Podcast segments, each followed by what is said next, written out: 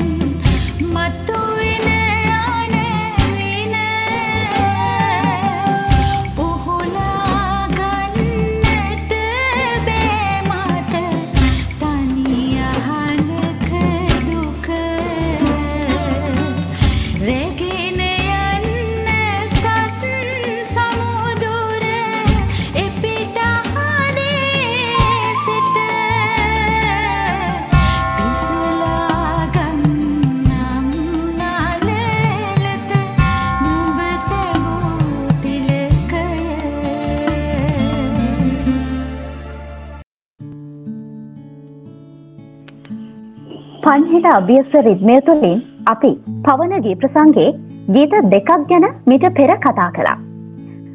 ඒ ගීත ගැන කතා කරද්දී මතක් කළ යුතුම චරිත දෙකක් තියෙනවා. එක් අයෙක් ආචාර්ය සුනිල් ආරියරත්නයන්. අපේ රට ඇතුළේ දූෂණ භේෂණ පිරුණු යොගයක පෑන අවියක් කරගෙන මේ පදරචනා සිදු කරන්නට එතුමා එඩිතර වුණා.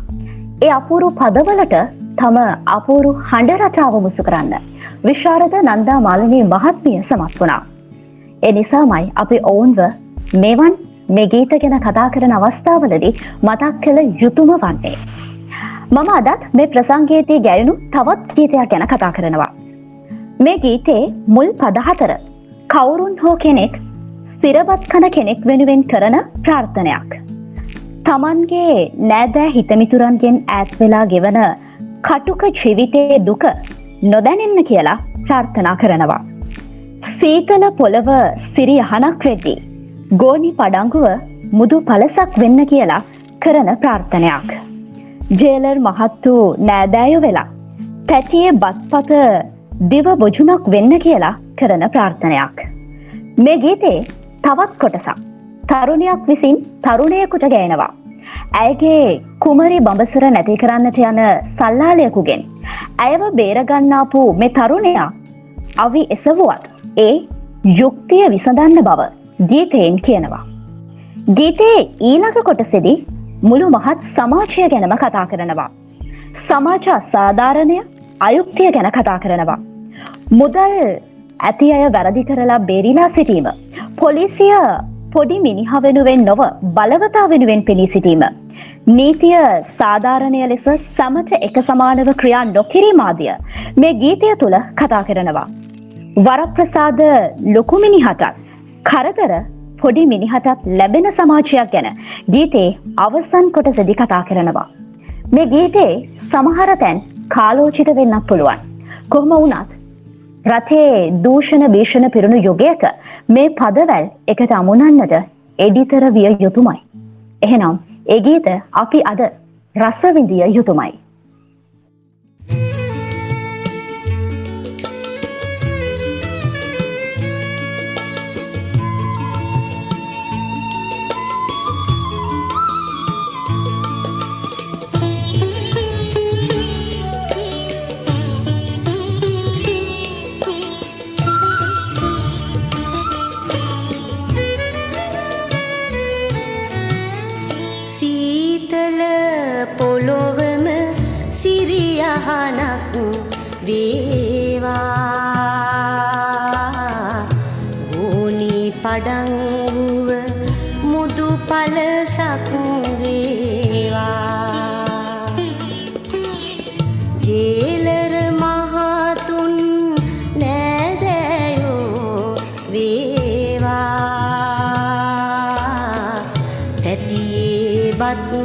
පාත දිව බොජුනක් වේ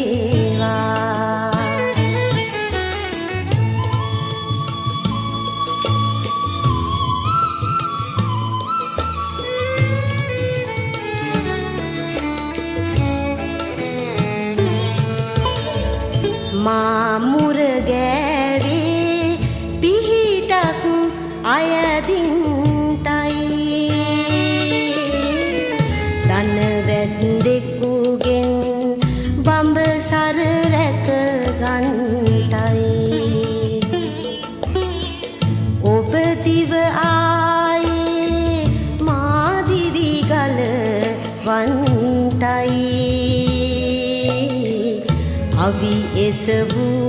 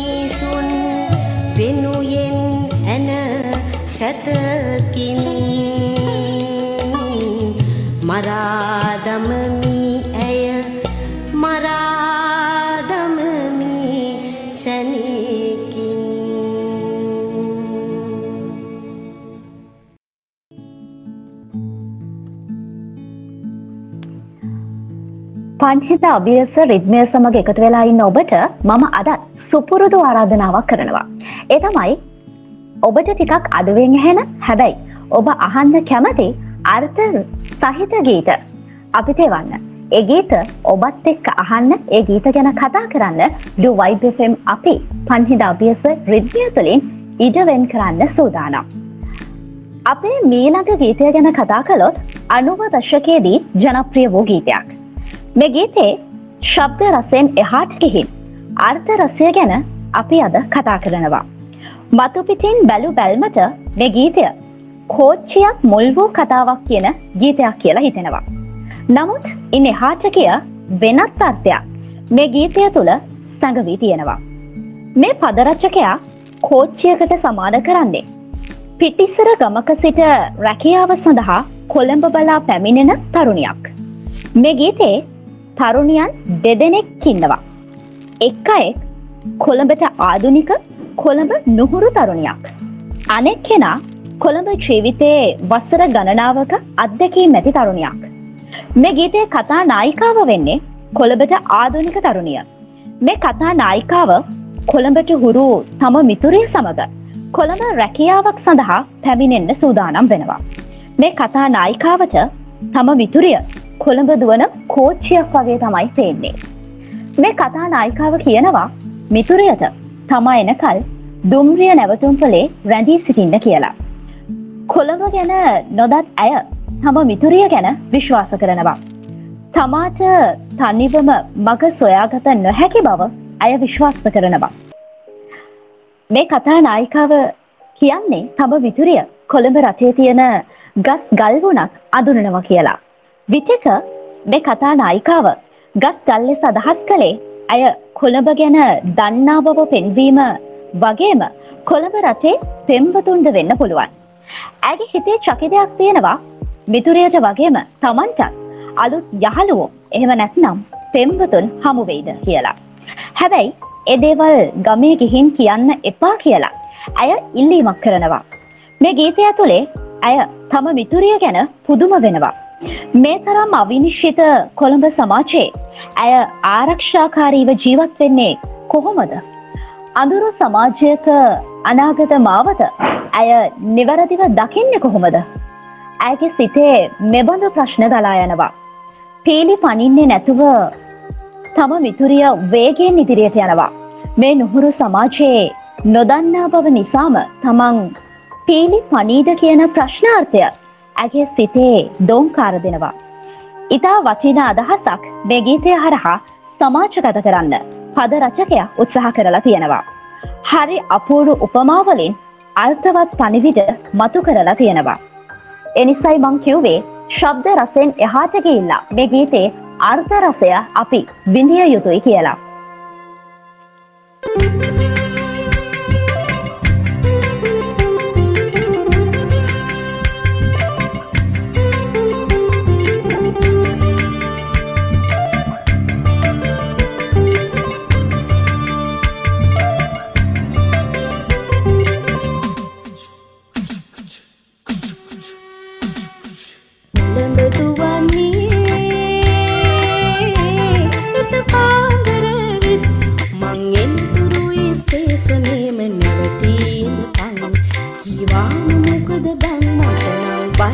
தேத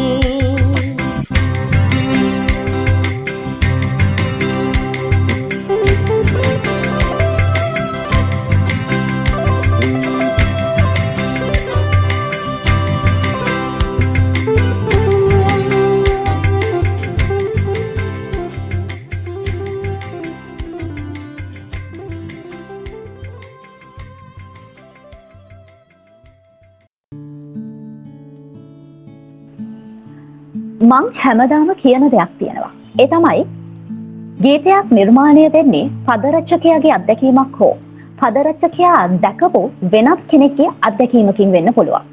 එනිසා තමයි ගීතයකින් අපේ ජීවිතයට දෙයක් ඉගෙන ගන්න පුළුවන් කියලා මං කියන්නේ.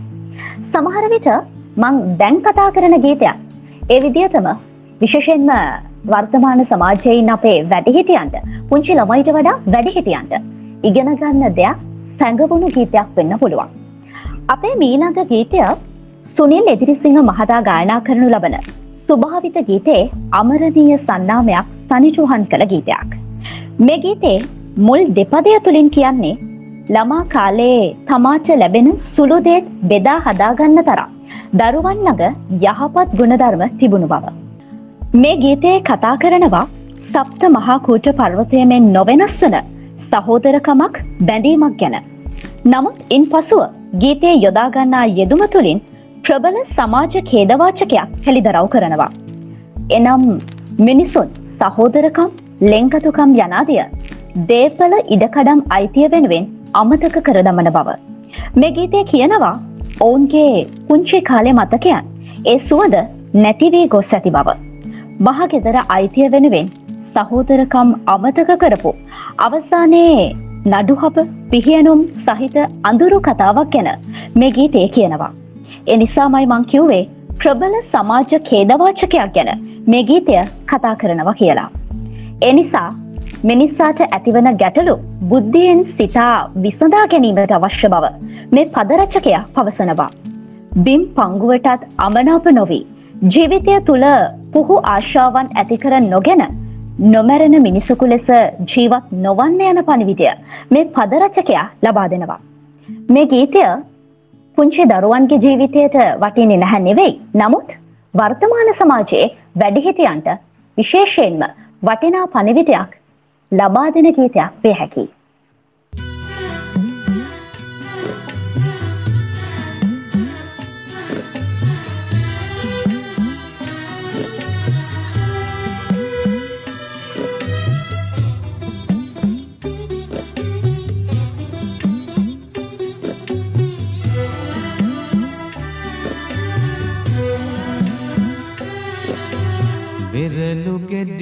හරි අටකට කපාගෙන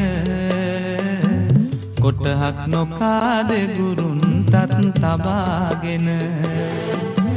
උන් අපි එදා සක්කුළු පව්විලාසෙන පැලයිනි වැටට ඇයි අද ඇන කොටාගෙන?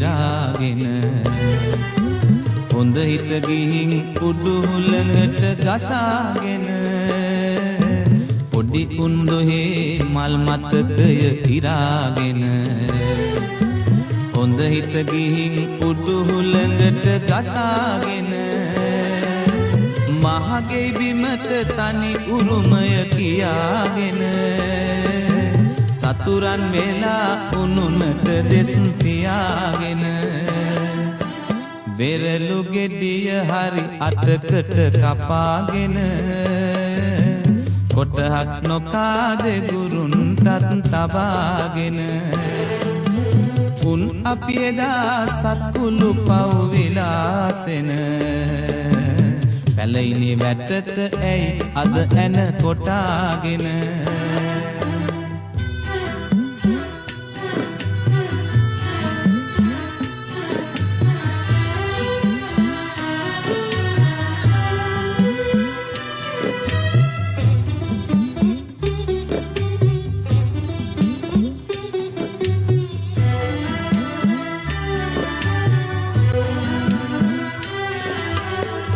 තිරිසන් උනුතින් කිසි හවුහරණ නැති. ලන්දක කකා ලන්දක කල්යල් හරිති. තිරිසන් උනුතින් කිසි හවුහරණ නැති. ලන්දක කකා ලන්දක කල්යල් හරිති. එක මිහිසයන කාටත් නිදිසුවය දෙති. බිම්පංගුවට ලොල්වි මළගම් නොයති. වෙරලු ගෙඩිය හරි අටකට කපාගෙන කොටහක් නොකාද ගුරුන්ටත් තබාගෙන. උන් අපි එදා සත්කුළු පව්විලාසෙන පැලයිනි වැටට ඇයි අද ඇන කොටාගෙන?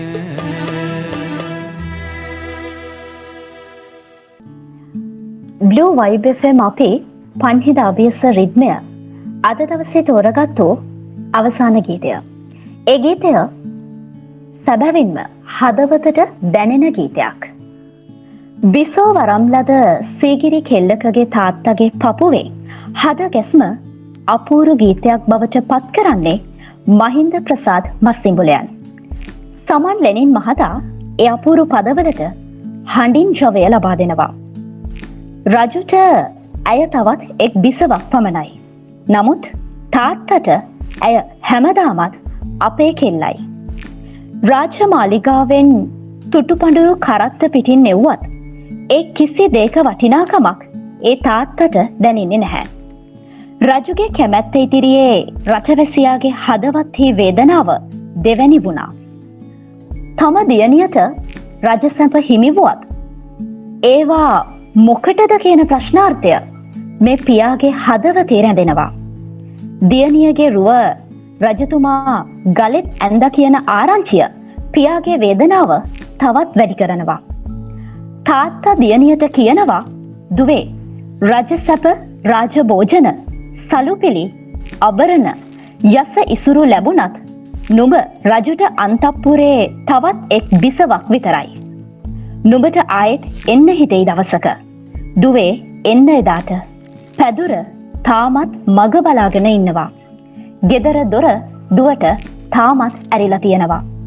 වරක මේ තාත්තට සේගිරි සිංහාව පේන්නේ කාශ්‍යප රජතුමා වගේ. ඒ සිංහයා අනිත් දියණියත් සොරා ගනී කියන බිය තාත්තට තියෙනවා. සුනාමිය වැනි රුදුරු වූ සයුරු දියවරකට හැර කළුගලක් මොහොතකටවත් සොලවන්න කිසිවකුටත් බැරි තරම්. දුවේ මගේ හදවතේ ගැඹුරින්ම නැගෙන හුස්ම හුල්ලද්දි නුඹ වෙනුවෙන් නැගෙන හුස්ම ඒ රුදු සුනාමියකට වඩා ගණකම්ය ආවේගශීලිය රලුයි. මගේ හදවතින් නැගෙන සුසුමේ බර සේගිරි පවුර සොලවන්නට ඇති. ඒ හදවතට දැනෙන ගීතය මේ.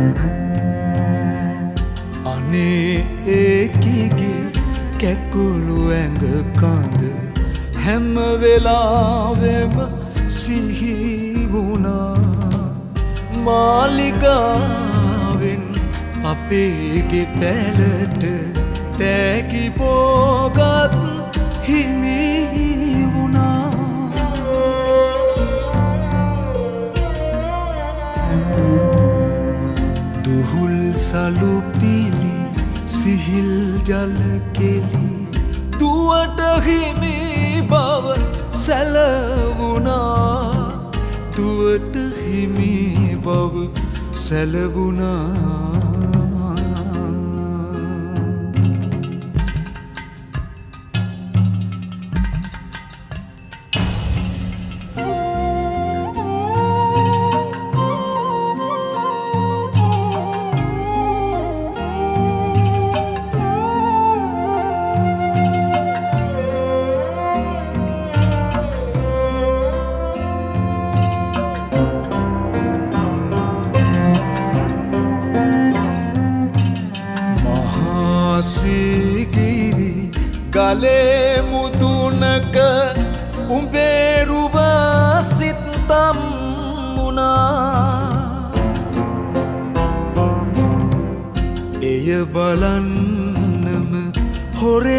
හොරෙන් හවසක මාත් එතැනට ගොඩ වුණා.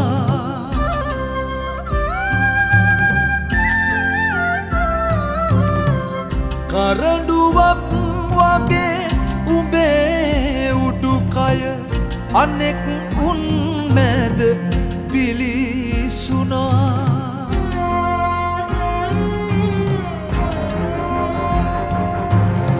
මගේ හුස්මත් ගැටිවෙන් නැති දුවේ කළුගඩ හෙලවුණා දුවේ කළුගල